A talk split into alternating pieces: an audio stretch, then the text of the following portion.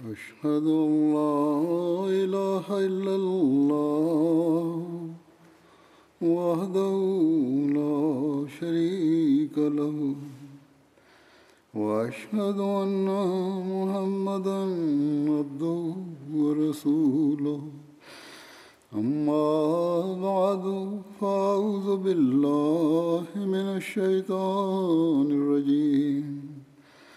بسم الله الرحمن الرحيم. الحمد لله رب العالمين. الرحمن الرحيم. مالك يوم الدين.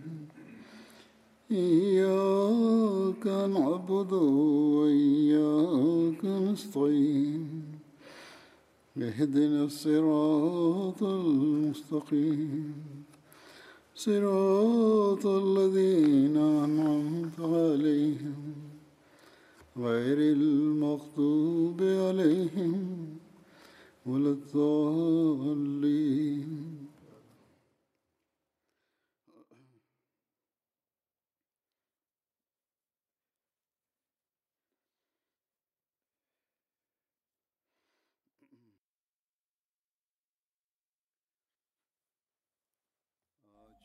Pada hari ini akan dimulai pembahasan riwayat Hadrat Abu Bakar Siddiq radhiyallahu anhu. Nama Hadrat Abu Bakar radhiyallahu anhu adalah Abdullah dan ayahanda beliau bernama Utsman bin Amir. Kunyah beliau adalah Abu Bakar. Sedangkan beliau dijuluki Atik dan Siddiq. Diriwayatkan bahwa beliau lahir pada 573 Masehi, yakni dua tahun enam bulan setelah tahun gajah.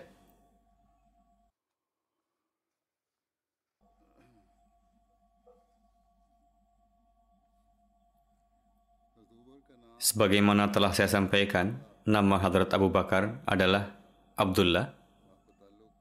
Beliau berasal dari suku Quraisy Bani Taim bin Murrah. Di masa jahiliyah, beliau bernama Abdul Ka'bah, yang kemudian Hadrat Rasulullah menggantinya menjadi Abdullah. Ayahanda beliau bernama Uthman bin Amir, dan kunyah beliau adalah Abu Kahafah. Ibunda beliau bernama Salma bin binti Sakhar bin Amir, dan kunyah beliau bernama Ummul Khair. Berdasarkan satu riwayat, ibunda beliau bernama Laila binti Sakhar. Silsilah keturunan beliau bertemu dengan Rasulullah Sallallahu Alaihi Wasallam pada Murrah di generasi ketujuh.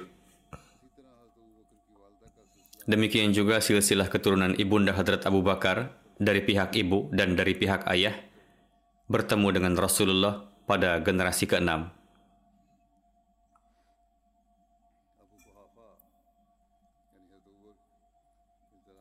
Ummul Khair, istri Abu Kahafah, yakni ayahanda Hadrat Abu Bakar adalah putri dari paman beliau. Yakni ibunda Hadrat Abu Bakar adalah putri dari paman ayahanda beliau. Kedua orang tua Hadrat Abu Bakar masih hidup setelah kewafatan Hadrat Abu Bakar dan keduanya mendapatkan warisan dari putra mereka, yakni Hadrat Abu Bakar. Setelah kewafatan Hadrat Abu Bakar, pertama ibunda beliau wafat, dan kemudian ayahanda beliau wafat pada 14 Hijriah di usia 97 tahun.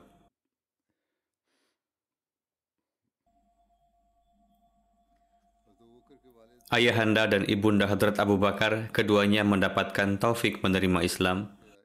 Peristiwa berimannya ayahanda beliau adalah sebagai berikut.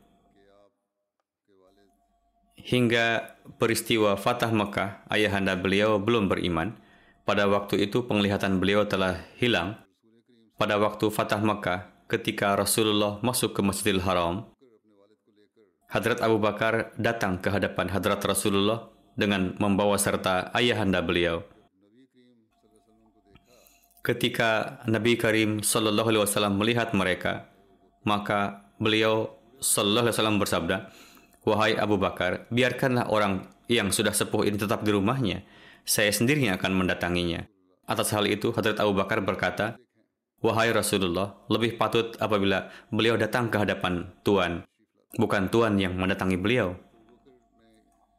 Hadrat Abu Bakar Dalawanhu mendudukan beliau di hadapan Hadrat Rasulullah maka Rasulullah meletakkan tangannya di dada ayahanda Hadrat Abu Bakar dan bersabda, Terimalah Islam, Anda akan selamat. Lalu Abu Kahafah menerima Islam.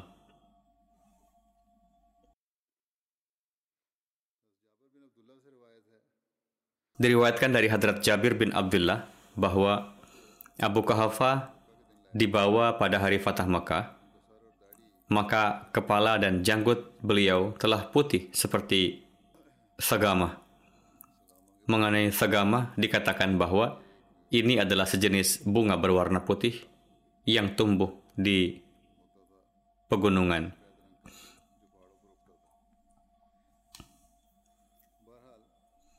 Singkatnya, rambut beliau benar-benar putih, janggut beliau pun putih. Atas hal itu, Rasulullah bersabda, gantilah itu dengan warna lain, yakni pakaikanlah pewarna rambut dan berilah warna. Maka akan lebih baik, tetapi hindarilah warna hitam.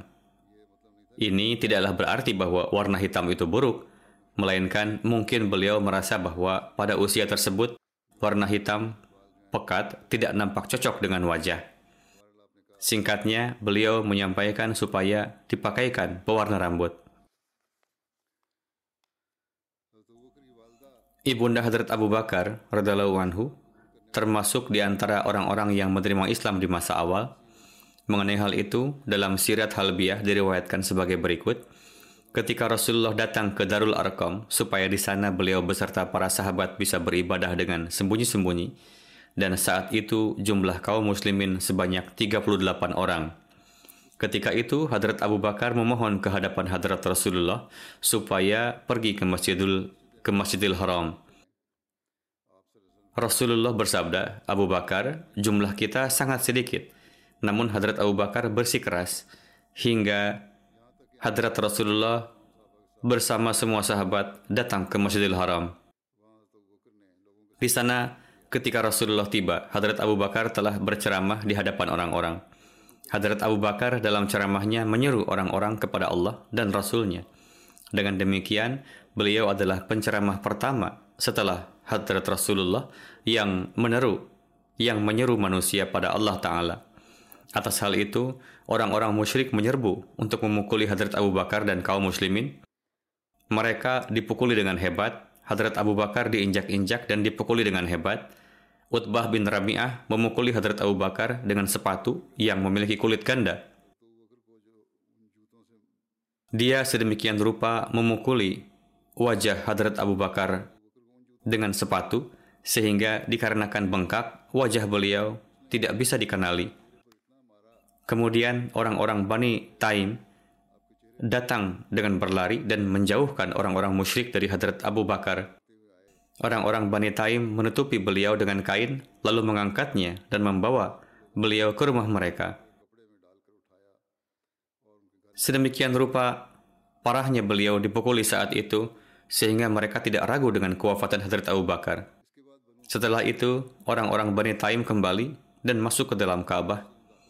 Mereka berkata, Demi Tuhan, jika Abu Bakar telah wafat, maka kami pasti akan membunuh Utbah yang telah paling banyak memukulinya. Kemudian orang-orang kembali kepada Hadrat Abu Bakar dan ayahanda beliau, Abu Kahafah, beserta orang-orang Bani Taim, berusaha untuk berbicara dengan beliau. Namun dikarenakan tidak sadarkan diri, beliau tidak memberikan jawaban. Hingga di penghujung hari, beliau berbicara dan pertama-tama bertanya bagaimana kondisi Rasulullah Wasallam. Namun orang-orang tidak menjawab pertanyaan beliau, tetapi beliau terus menanyakan hal ini. Atas hal ini, ibunda beliau berkata, Demi Allah, saya tidak tahu apa-apa mengenai sahabatmu itu. Hadrat Abu Bakar berkata kepada ibundanya, mohon pergilah kepada saudari Hadrat Umar yang bernama Ummi Jalil binti Khattab. Ummi Jamil sebelumnya pun telah masuk Islam, namun menyembunyikan keislamannya. Tanyakanlah kepada beliau mengenai kondisi Hadrat Rasulullah. Lalu ibunda beliau pergi kepada Ummi Jamil dan mengatakan kepadanya, Abu Bakar menanyakan mengenai Muhammad bin Abdullah sallallahu alaihi wasallam. Ummi Jamil menjawab, saya tidak tahu Muhammad sallallahu alaihi wasallam dan tidak juga Abu Bakar. Kemudian Ummi Jamil mengatakan kepada ibunda Hadrat Abu Bakar, apakah Anda ingin saya pergi bersama Anda? Beliau menjawab, ya. Kemudian beliau bersamanya pergi kepada Hadrat Abu Bakar. Maka Ummu Jamil melihat beliau sedang tergeletak di lantai penuh dengan luka memar. Beliau berteriak dan mengatakan, orang-orang yang telah melakukan ini kepada Anda, sungguh dia adalah orang-orang fasik. Dan aku berharap Allah Ta'ala akan membalasnya. Lalu Hadrat Abu Bakar menanyakan kepada beliau perihal Rasulullah. Ummi Jamil mengatakan, ibundamu sedang mendengarkan. Beliau berkata, beliau tidak akan mengemukakan rahasia Anda. Atas hal itu, Ummi Jamil mengatakan bahwa Hadrat Rasulullah baik-baik saja. Hadrat Abu Bakar bertanya, di manakah beliau sekarang? Ummi Jamil menjawab, di Darul Arqam. Kemudian lihatlah bagaimana keluhuran derajat cinta Rasul dalam diri Hadrat Abu Bakar anhu. Ketika beliau mendengar hal ini, maka Hadrat Abu Bakar anhu berkata, Demi Allah, saya tidak akan memakan makanan dan tidak juga meminum air sebelum saya hadir di hadapan Rasulullah Sallallahu Alaihi Wasallam. Ibunda Hadrat Abu Bakar menuturkan, kami mencegah beliau untuk beberapa lama hingga ketika orang-orang berhenti datang dan pergi dan mereka menjadi tenang, maka kami membawa beliau keluar. Beliau berjalan dengan bertumpu kepada saya, hingga ketika beliau sampai kepada Rasulullah, beliau begitu diliputi keharuan. Ketika hadrat Rasulullah melihat keadaan hadrat Abu Bakar ini, beliau Shallallahu Alaihi Wasallam menunduk untuk mencium hadrat Abu Bakar, dan orang-orang Islam juga menunduk kepada beliau. Kemudian hadrat Abu Bakar berkata, Wahai Rasulullah, ayah ibuku berkorban untuk Anda. Saya tidak merasakan sakit selain luka-luka yang ditimbulkan orang-orang pada wajah saya. Dan ibunda saya memperlakukan putranya dengan baik. Beliau tidak banyak berbicara. Semoga Allah Ta'ala menyelamatkan beliau dari api dengan perantaraan Anda. Hadrat Abu Bakar Anhu mengatakan berkenaan dengan ibunda beliau. Semoga Allah Ta'ala menyelamatkan beliau dengan perantaraan Anda yakni semoga beliau beriman. Atas hal ini Rasulullah berdoa untuk ibunda beliau dan menyeru beliau untuk masuk Islam. Yang mana kemudian atas hal ini ibunda Hadrat Abu Bakar bayat masuk Islam. Demikianlah ibunda Hadrat Abu Bakar menerima Islam di masa awal. Berdasarkan buku biografi yang terpercaya berjudul Sahabah, terdapat beberapa riwayat berkenaan dengan kelahiran Hadrat Abu Bakar radhiyallahu Hadrat Abu Bakar lahir dua tahun enam bulan setelah tahun gajah. Tertulis dalam tarikh Tabari dan Tabakatul Kubra bahwa beliau lahir tiga tahun setelah tahun gajah. Demikian juga diriwayatkan bahwa Hadrat Abu Bakar memiliki dua gelar yang masyhur, yaitu Atik dan Siddiq. Mengenai alasan beliau dinamakan Atik, tertulis bahwa Hadrat Aisyah radhiyallahu anha meriwayatkan bahwa Hadrat Abu Bakar datang kepada Hadrat Rasulullah. Maka Rasulullah bersabda, Anta atikullahi minan nari, yakni engkau telah diselamatkan dari api oleh Allah. Alhasil, sejak hari itu beliau diberikan gelar Atik. Beberapa sejarawan alih-alih sebagai gelar Hadrat Abu Bakar mereka menyatakan Atik sebagai nama beliau. Mereka mengatakan bahwa ini bukanlah julukan, melainkan nama beliau. Namun ini tidaklah benar. Allamah Jalaluddin Suyuti menulis dalam Tarikhul Khulafa dengan mengutip Imam Nawawi bahwa nama Hadrat Abu Bakar adalah Abdullah dan ini yang paling masyhur dan tepat. Dan dikatakan juga bahwa nama beliau adalah Atik. Namun yang benar adalah yang disepakati sebagian besar ulama bahwa Atik adalah lakob beliau, yakni julukan, bukan nama. Dalam sirat Ibnu Hisham dijelaskan asal muasal dari julukan Atik ini bahwa ini dikarenakan keindahan wajah beliau dan dikarenakan ketampanannya beliau dinamakan Atik. Dalam syarah sirat Ibnu Hisham dijelaskan asal mula dari gelar Atik. Atik artinya adalah Al-Hasan, yakni yang memiliki sifat-sifat yang indah. Seolah beliau diselamatkan dari celak dan aib. Dikatakan juga bahwa beliau disebut Atik dikarenakan tidak ada anak dari ibunda beliau yang masih hidup. Ibunda beliau bernazar bahwa jika beliau memiliki anak, maka akan menamainya Abdul Ka'bah dan mewakafkannya untuk Ka'bah. Ketika beliau tetap hidup dan menjadi seorang pemuda, maka nama beliau menjadi Atik, seolah-olah beliau diberikan keselamatan dari maut. Selain itu, didapati juga berbagai alasan dari julukan Atik. Menurut sebagian orang, beliau dipanggil Atik karena dalam nasab beliau tidak ada suatu hal yang menyebabkan beliau dijelek-jelekan. Arti dari Atik juga salah satunya adalah lampau atau terdahulu. Alasan lain beliau disebut Atik juga adalah karena dari sejak dahulu Beliau seorang yang saleh dan berbuat kebaikan. Demikian juga dikarenakan beliau paling awal dalam menerima Islam dan unggul dalam kebajikan, maka beliau diberi gelar Atik. Dan mengenai gelar yang kedua, yakni Siddiq, dijelaskan alasan mengapa beliau diberi nama ini. Allamah Jalaluddin Suyuti menulis, Sejauh kaitannya dengan Siddiq, dikatakan bahwa gelar ini diberikan kepada beliau pada zaman jahiliyah dikarenakan kejujuran atau kebenaran yang selalu zahir dari beliau. Dikatakan juga bahwa beliau dinamai Siddiq dikarenakan cepatnya beliau dalam membenarkan Rasulullah berkenaan dengan setiap kabar-kabar yang disampaikan Rasulullah kepada beliau.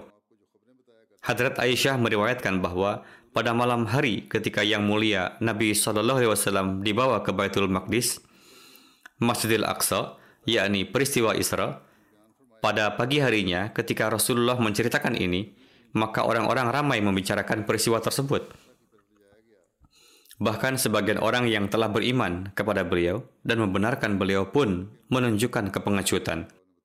Beberapa orang yang keimanan mereka lemah bersikap demikian. Ketika itu, beberapa orang musyrik datang kepada Hadrat Abu Bakar dengan berlari dan berkata, Apakah Anda tahu berkenaan dengan sahabat Anda bahwa beliau Sallallahu Alaihi Wasallam mendakwakan telah dibawa ke Baitul Maqdis pada malam hari. Hadrat Abu Bakar berkata, apakah benar beliau Sallallahu Alaihi Wasallam berkata demikian? Mereka mengatakan, ya. Atas hal itu, beliau berkata, jika beliau mengatakan demikian, maka pasti beliau berkata benar.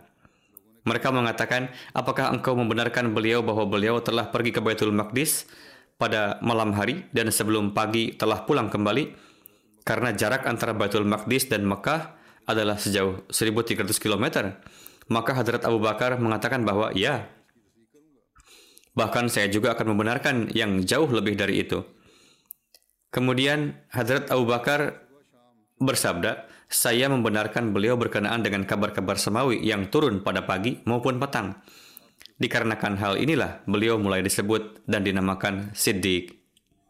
Abu Wahab, budak yang telah dimerdekakan oleh Hadrat Abu Hurairah, menyampaikan bahwa Rasulullah Shallallahu Alaihi Wasallam bersabda, di malam hari ketika saya telah dibawa, yakni pada peristiwa Isra, saya berkata kepada Jibril, kaum saya pasti tidak akan menerima pernyataan saya, yakni mereka tidak akan mempercayai ucapan beliau. Lalu Jibril berkata, Yusaddikuka Abu Bakrin, wahwa as-siddiq, yakni Abu Bakar akan membenarkan perkataanmu, dan ia adalah siddiq. Ini tertera dalam Tabaqatul Kubro. Hadrat Muslim Ma'ud anhu bersabda, Diriwayatkan dari Hadrat Aisyah bahwa tatkala terjadi peristiwa Isra, orang-orang dengan bergegas datang menuju Hadrat Abu Bakar dan berkata kepada beliau, Apakah Anda mengetahui apa yang telah dikatakan oleh saudara Anda? Beliau berkata, Apa yang telah dikatakannya? Mereka menjawab, ia berkata bahwa di waktu malam ia telah pergi dari Baitul Maqdis. Hadrat Muslim Maud menulis, seandainya saat itu Rasulullah menyebutkan peristiwa Mi'raj juga, maka kaum kafir pasti akan semakin bersorak. Akan tetapi mereka hanya berkata demikian bahwa Rasulullah SAW bersabda, saya di waktu malam pergi hingga Baitul Maqdis. Lalu tatkala Abu Bakar membenarkan pernyataan Rasulullah, maka orang-orang pun berkata, apakah Anda pun akan mempercayai hal yang bertentangan dengan akal ini? Hadrat Abu Bakar berkata, atas hal ini pun saya percaya bahwa di siang maupun malam turun kalam dari langit kepada beliau. Hadrat Masih Maud Islam bersabda, Rasulullah SAW yang telah menyebut Hadrat Abu Bakar dengan gelar Siddiq, Allah Ta'ala lah yang lebih mengetahui tentang keistimewaan-keistimewaan apa yang ada pada diri beliau. Rasulullah SAW pun telah bersabda bahwa keutamaan Hadrat Abu Bakar adalah disebabkan oleh apa yang terdapat di dalam kalbu beliau. Dan apabila direnungkan dengan seksama, sifat siddiq yang telah diperlihatkan oleh Hadrat Abu Bakar sulit untuk didapatkan bandingannya. Hal sesungguhnya adalah, di zaman apa pun, siapa saja yang berupaya untuk mendapatkan kesempurnaan derajat siddiq, adalah perlu baginya agar sedapat mungkin bermujahadah demi menanamkan sifat dan fitrat Abu Bakar ke dalam dirinya. Lalu teruslah berupaya dengan berdoa. Selama bayangan dari fitrat Abu Bakar belum melingkupi dirinya dan ia belum terwarnai dengannya, maka ia belum dapat meraih kesempurnaan derajat siddiq. Selain Atik dan Siddiq, dikatakan juga bahwa Abu Bakar pun memiliki gelar-gelar lain, yakni Khalifatul Rasulullah, Hadrat Abu Bakar pun disebut sebagai Khalifatul Rasulullah. Di dalam satu riwayat tertera bahwa ada seseorang yang menyapa Hadrat Abu Bakar dengan Ya Khalifatullah, Wahai Khalifah Allah. Lalu Hadrat Abu Bakar bersabda, Jangan berkata Wahai Khalifatullah, tetapi Khalifatul Rasulullah, yakni saya adalah Khalifah Rasulullah. Dan saya setuju jika disebut demikian. Penulis syarah Sahih Bukhari Allamah Badruddin Aini menjelaskan, para sejarawan dan yang lainnya telah sepakat bahwa sebutan Hadrat Abu Bakar Siddiq adalah Khalifatul Rasulullah. Namun jelas bahwa sebutan untuk Hadrat Abu Bakar ini beliau terima setelah kewafatan Rasulullah karena beliau menjadi khalifah pengganti Rasulullah. Oleh karena itu, kita tidak dapat mengatakan bahwa ini adalah sebutan di masa Rasulullah dan ini adalah sebutan beliau kemudian karena orang-orang yang telah menyebut ini atau Hadrat Abu Bakar sendiri yang telah memilihnya. Awahun, ini pun adalah gelar beliau. Awah bermakna sangat penyabar dan lembut hati. Tertera di dalam Tabakat Kubra bahwa Hadrat Abu Bakar disebut dengan gelar Awah karena kelemah lembutan dan belas kasih beliau. Awahum munib. Makna Awahum munib adalah sangat penyabar, lembut hati, dan patuh tertera di dalam Tabaqatul Kubra. Saya mendengar dari Hadrat Ali saat berbicara di atas mimbar. Dengarlah dengan seksama, Hadrat Abu Bakar adalah sosok yang sangat penyabar, lembut hati, dan patuh. Dengarlah dengan seksama, Allah Ta'ala telah menganugerahkan kebaikan kepada Hadrat Umar, sehingga akhirnya beliau pun menjadi pemberi kebaikan. Amirus Syakirin, ini pun merupakan gelar beliau. Makna Amirus Syakirin adalah pemimpin orang-orang yang bersyukur. Beliau digelari Amirul Syakirin karena banyaknya beliau bersyukur. Di dalam Umdatul Qari tertera bahwa Hadrat Abu Bakar Siddiq diseru dengan gelar Amirul Syakirin. Selanjutnya, Thaniyas Nain. Ini pun adalah gelar beliau. Allah Ta'ala menyebut Hadrat Abu Bakar Siddiq dengan gelar Thaniyas Nain. Allah Ta'ala berfirman, illa tansuruhu faqad nasarahu Allah idh akhrajahu alladhina kafaru ثاني اثنين إذ هما في الغار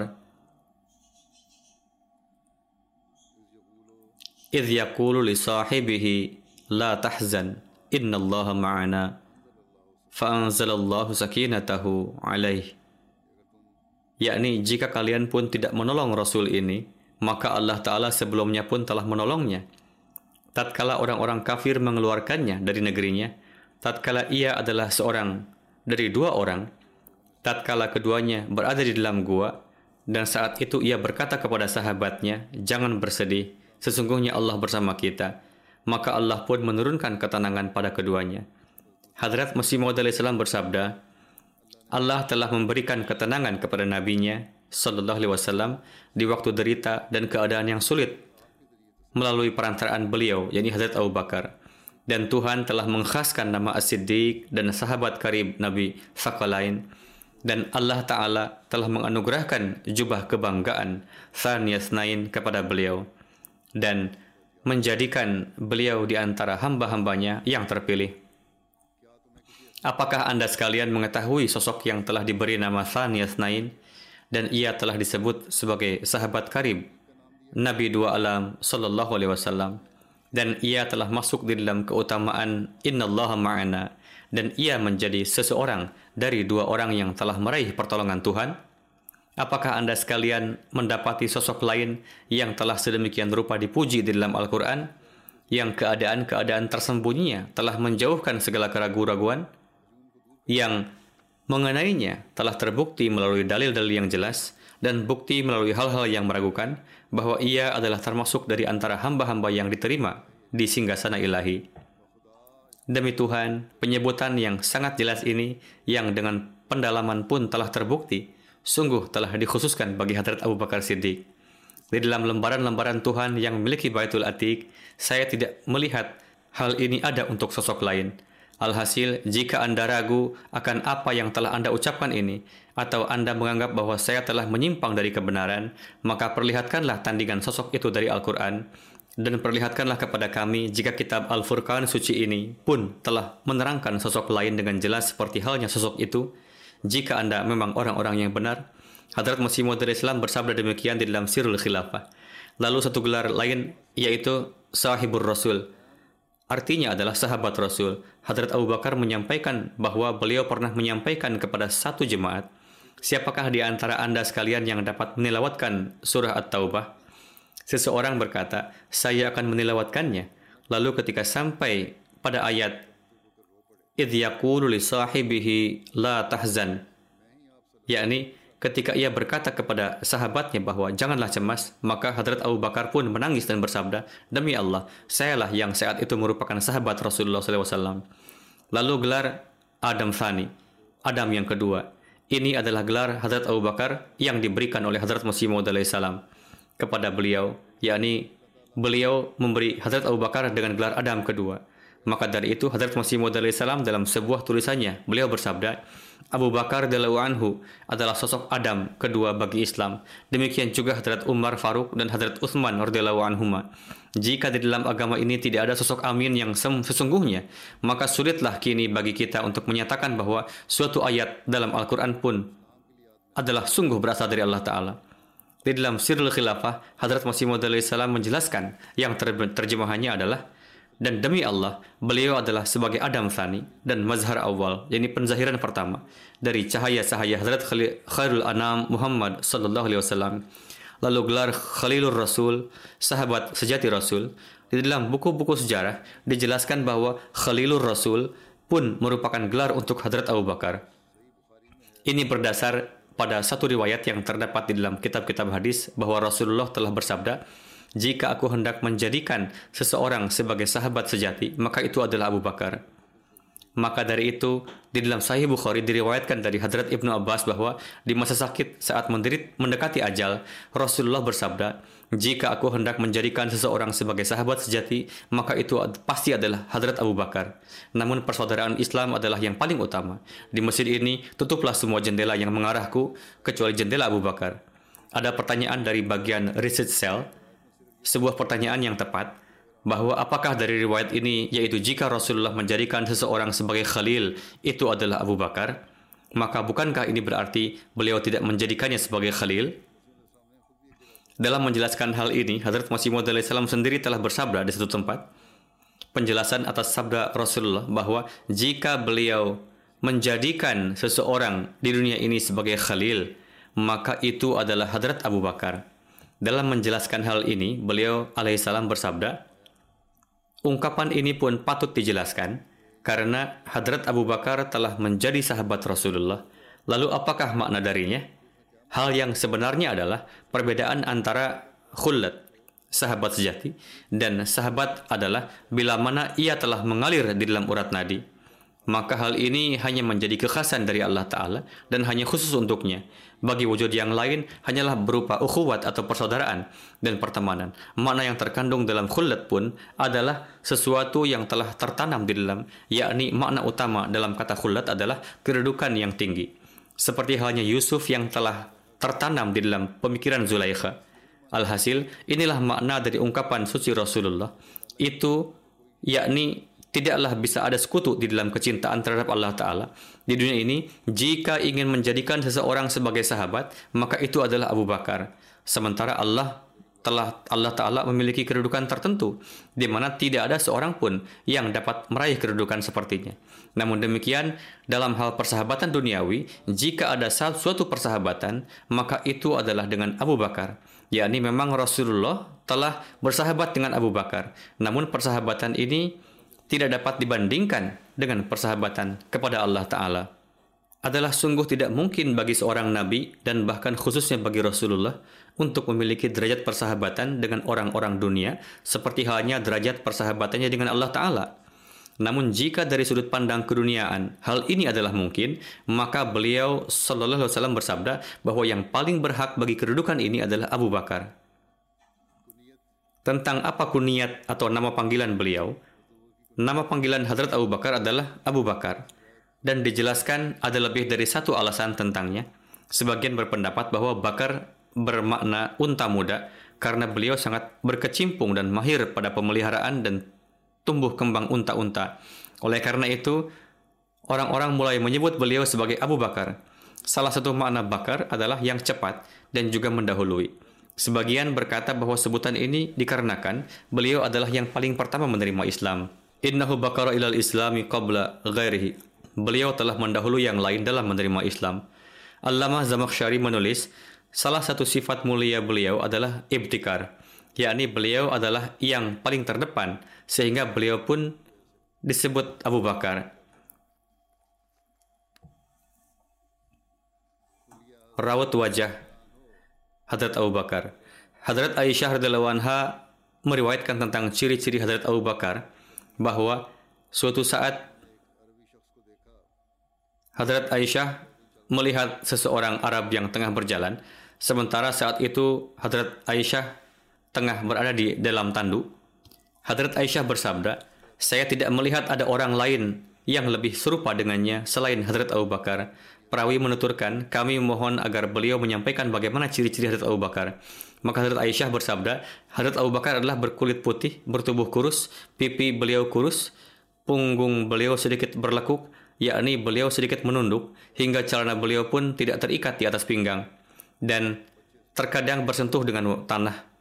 Wajah beliau tidak berisi, kedua mata beliau menuju ke dalam dan dahi beliau tinggi. Di dalam Sahih Bukhari diriwayatkan oleh Hadrat Abdullah bin Umar, ia berkata, Rasulullah SAW bersabda, Siapa saja yang berjalan dengan menggeser pakaiannya karena kesombongan, maka Allah tidak akan mengarahkan pandangannya ke arahnya di hari kiamat. Hadrat Abu Bakar bersabda, salah satu bagian dari pakaian saya senantiasa longgar, yakni salah satu sisinya selalu longgar sehingga jatuh ke tanah kecuali di saat saya memperhatikannya dengan seksama. Lalu Hadrat Rasulullah SAW bersabda, Anda tidak melakukan ini karena kesombongan. Ini diperbolehkan dan tidak apa-apa. Hadrat Abu Bakar biasa menyemir rambut beliau dengan bubuk mehendi dan katam. Katam adalah tanaman yang tumbuh di dataran tinggi. Ia dicampur dengan wasmah, minyak rambut berwarna nila, lalu digunakan.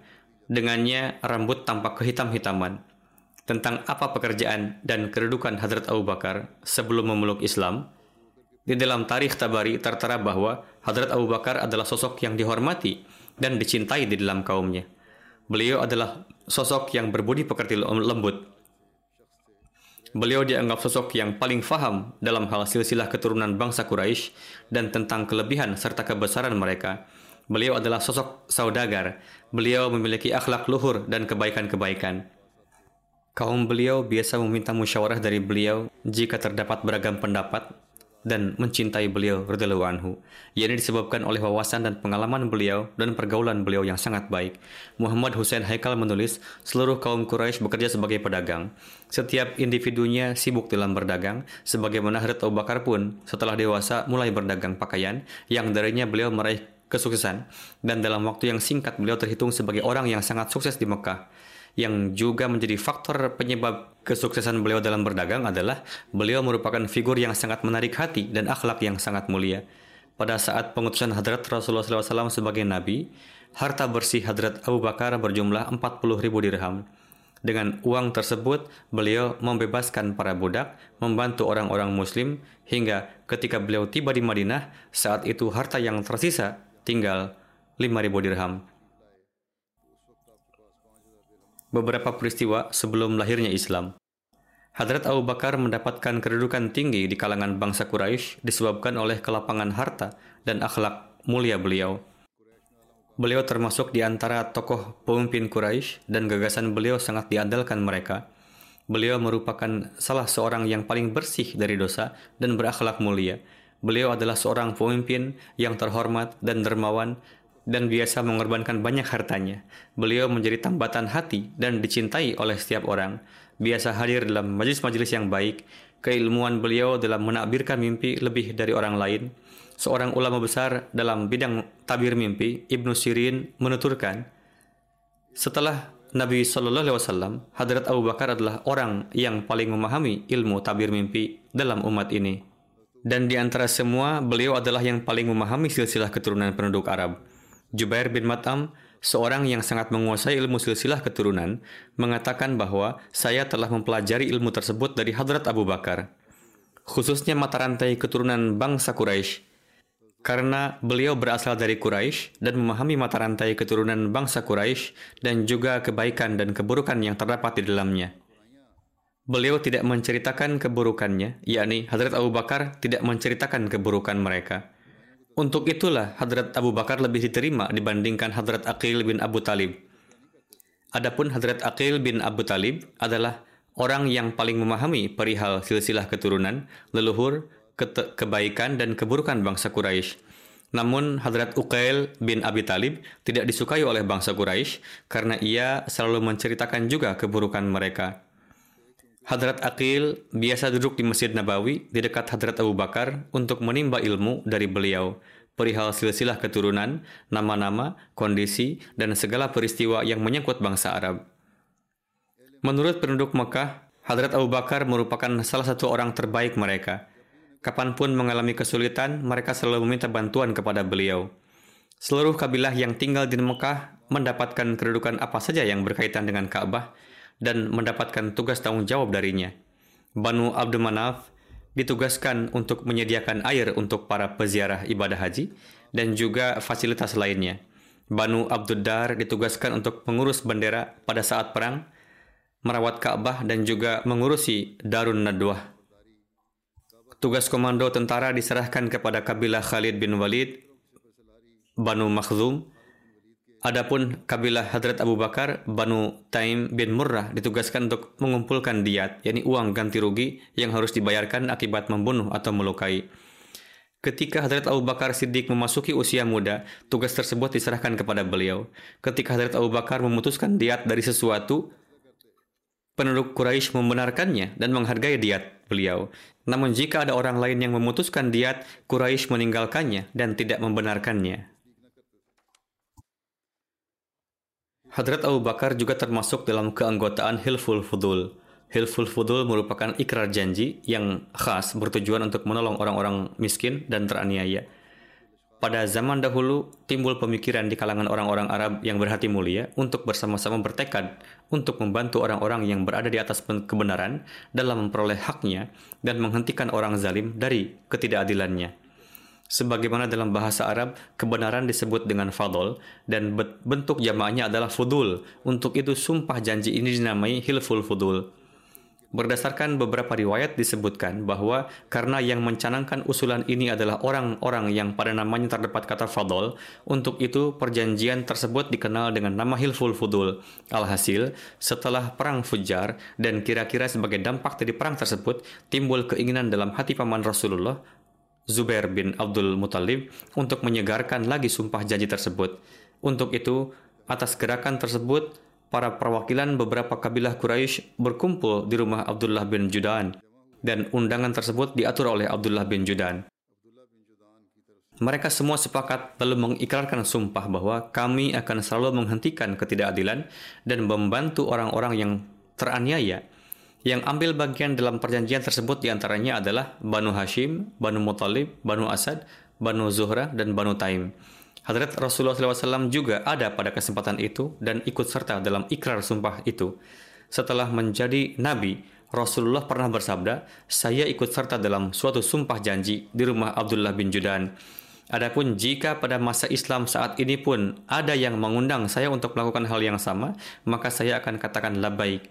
Dalam menulis keikutsertaan Hadrat Abu Bakar dalam gerakan Hilful Fudul, seorang penulis menulis, Hadrat Rasulullah SAW pun ikut serta dalam gerakan tersebut dan bersama dengan beliau ikut serta juga Hadrat Abu Bakar anhu. Terdapat riwayat berkenaan dengan bagaimana hubungan persahabatan antara Hadrat Abu Bakar dengan Rasulullah sebelum pendawaan kenabian. Ibnu Ishaq dan beberapa orang lainnya meriwayatkan bahwa sebelum pendawaan kenabian, Hadrat Abu Bakar adalah kawan Rasulullah. Beliau sangat mengenal bagaimana kejujuran, sifat amanah, kesucian fitrat, dan perangai mulia Hadrat Rasulullah SAW. Terdapat satu riwayat lainnya bahwa pada zaman jahiliyah pun Hadrat Abu Bakar merupakan kawan Rasulullah. Tertulis dalam Sir, Sirus Sahabah bahwa dari semenjak kanak-kanak, Hadrat Abu Bakar memiliki kecintaan yang khas dan tulus kepada Rasulullah dan termasuk di antara orang-orang yang menjalin persahabatan dengan beliau. Beliau juga sering kali mendapatkan kemuliaan untuk menyertai Rasulullah ketika melakukan safar untuk berdagang. Dalam menjelaskan perihal orang-orang yang pernah bergaul dengan Rasulullah sebelum pendakwaan kenabian, Hadrat Mirza Bashir Ahmad Sahib menulis, Sebelum mendakwakan kenabian, lingkup pertemanan beliau Sallallahu Alaihi Wasallam nampak sangat terbatas. Sebenarnya sejak semula, tabiat hadrat Rasulullah lebih suka kesendirian. Dalam bagian usia yang mana pun, beliau tidak banyak bergaul dengan lingkungan Makkah pada umumnya – di antara beberapa orang yang menjalin pertemanan dengan Rasulullah, yang paling khas adalah Hadrat Abu Bakar, yakni Abdullah bin Abi Kahafah yang berasal dari keluarga terpandang di Quraisy dan dipandang sangat terhormat dalam kaum disebabkan oleh kemuliaan dan kelayakan beliau. Yang kedua adalah Hakim bin Hizam, yang merupakan keponakan Hadrat Khadijah. Beliau adalah pria yang sangat baik, pada mulanya beliau belum banyak masuk Islam, namun dalam keadaan demikian pun beliau sangat mencintai Rasulullah dengan penuh ketulusan. Akhirnya, kemuliaan tabiat itu menarik beliau kepada Islam. Hadrat Rasulullah Sallallahu Alaihi Wasallam juga dekat dengan Zaid bin Amru. Beliau adalah kerabat dekat Hadrat Umar dan berasal dari antara orang-orang yang meninggalkan syirik pada zaman jahiliyah dan selalu menisbahkan diri kepada agama Ibrahim namun beliau wafat sebelum Islam lahir.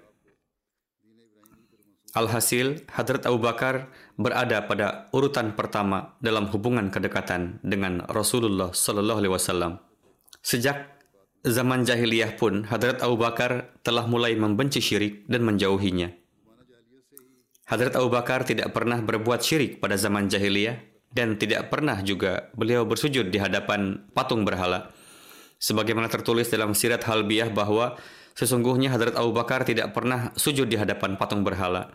Allamah Ibnu Jauzi menggolongkan Hadrat Abu Bakar ke dalam orang-orang yang menolak untuk beribadah kepada patung berhala, yakni beliau tidak pernah mendekati berhala. Beliau juga membenci minuman keras pada zaman jahiliyah. Hadrat Aisyah meriwayatkan bahwa pada zaman jahiliyah Hadrat Abu Bakar telah mengharamkan minuman keras bagi diri beliau sendiri.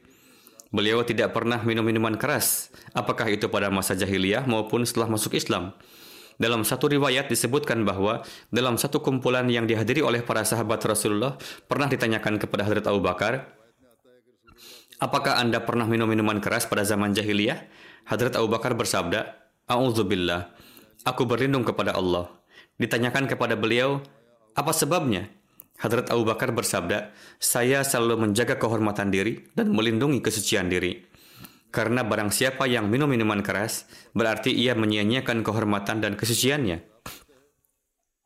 Perawi mengatakan, ketika hal itu sampai kepada Rasulullah, Rasul bersabda, Sodako Abu Bakar, Sodaka Abu Bakar, yakni benar apa yang dikatakan Abu Bakar, benar apa yang dikatakan Abu Bakar. Beliau mengatakannya dua kali. Berkenaan dengan bayatnya Hadrat Abu Bakar Siddiq, terdapat beberapa riwayat. Sebagian di antaranya rinci dan sebagiannya lagi singkat. Saya akan sampaikan. Hadrat Aisyah radhiyallahu anha meriwayatkan, semenjak saya memasuki usia dewasa, orang tua saya telah memeluk agama Islam tidak ada hari yang berlalu dalam kehidupan kami yang di dalamnya pagi dan sore Rasulullah tidak berkunjung ke rumah kami.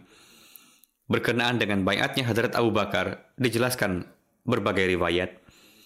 Dalam syarah Zarqani dijelaskan peristiwa bayatnya Hadrat Abu Bakar sebagai berikut. Suatu hari Hadrat Abu Bakar berada di rumah Hakim bin Hizam. Saat itu datang budak wanita beliau dan berkata, Uakmu, yakni Khadijah, mengatakan bahwa suaminya telah diutus sebagai nabi seperti Musa. Atas hal itu, Hadrat Abu Bakar keluar diam-diam dari sana, lalu pergi menemui Rasulullah dan menyatakan bayat. Dalam syarah Sirat Ibnu Hisham, Ar-Rusul Anaf, diterangkan perihal satu ru'ya yang diterima Hadrat Abu Bakar dan bayatnya beliau. Sebelum pendakwaan kenabian Rasulullah, Hadrat Abu Bakar melihat mimpi, bulan turun di Mekah. Hadrat Abu Bakar melihat bulan tersebut terbelah-belah, lalu tersebar di semua tempat dan rumah di Mekah. Setiap potongannya masuk ke setiap rumah. Selanjutnya, seolah-olah bulan tersebut dikumpulkan di pangkuan beliau. Hadrat Abu Bakar menceritakan mimpi tersebut kepada beberapa ulama ahli kitab. Para ulama ahli kitab itu menjelaskan tabirnya bahwa Nabi yang telang yang tengah dinanti-nanti telah tiba saatnya dan beliau yakni Hadrat Abu Bakar akan menjadi pengikutnya. Untuk itu Hadrat Abu Bakar akan menjadi yang paling beruntung di antara orang-orang. Ketika Rasulullah menyeru Hadrat Abu Bakar kepada Islam, beliau tidak menunggu-nunggu lagi. Dalam kitab Sabilul Huda tertulis riwayat berkenaan dengan bayatnya Hadrat Abu Bakar Kaab meriwayatkan, yang menjadi alasan Hadrat Abu Bakar Siddiq radhiyallahu anhu menerima Islam adalah turunnya satu wahyu dari langit. Detailnya sebagai berikut. Hadrat Abu Bakar pergi ke Syam untuk tujuan berdagang. Di sana beliau melihat ru'ya, lalu mengabarkan ru'ya tersebut kepada pendeta Buhairah. Pendeta bertanya, Anda dari mana? Hadrat Abu Bakar menjawab, dari Makkah. Pendeta bertanya, dari kabilah mana? Hadrat Abu Bakar menjawab, kabilah Quraisy. Pendeta bertanya, apa pekerjaan Anda? Hadrat Abu Bakar menjawab, saya pedagang. Pendeta berkata, Allah Ta'ala akan menggenapi mimpi Anda, yakni dari antara kaum Anda akan diutus seorang Nabi. Selama masa kehidupan Nabi tersebut, Anda akan menjadi wakilnya dan akan menjadi khalifahnya pasca kewafatannya. Kemudian Hadrat Abu Bakar merahasiakan hal itu hingga Hadrat Rasulullah SAW diutus. Hadrat Abu Bakar berkata, Wahai Muhammad Wasallam, apa dalil atas pendakwaan Anda? Dalam riwayat lain, beliau tidak pernah meminta dalil. Namun dalam riwayat ini disebutkan dalil. Nabi Karim Sallallahu Alaihi Wasallam bersabda, mimpi yang Anda lihat di Syam lah dalilnya. Hadrat Abu Bakar memeluk Hadrat Rasulullah lalu mencium kening di antara dua mata beliau dan berkata, Aku bersaksi bahwa Anda adalah Rasul Allah. Dalam riwayat tersebut disebutkan perihal ru'yah Hadrat Abu Bakar, namun selengkapnya tidak dijelaskan yakni dalam ru'yah tersebut apa yang beliau lihat. Kita mengetahui hal tersebut dari sirat halbiah bahwa itu mengisyarahkan kepada ru'yah yang di dalamnya Hadrat Abu Bakar melihat bulan terbelah-belah lalu jatuh sebagaimana telah dijelaskan tadi. Hadrat Abu Bakar menceritakan ru'yah tersebut kepada pendeta Buhairah Alhasil, berkenaan dengan ini, para penulis menulis riwayat selengkapnya yang insya Allah akan saya sampaikan pada waktu yang akan datang.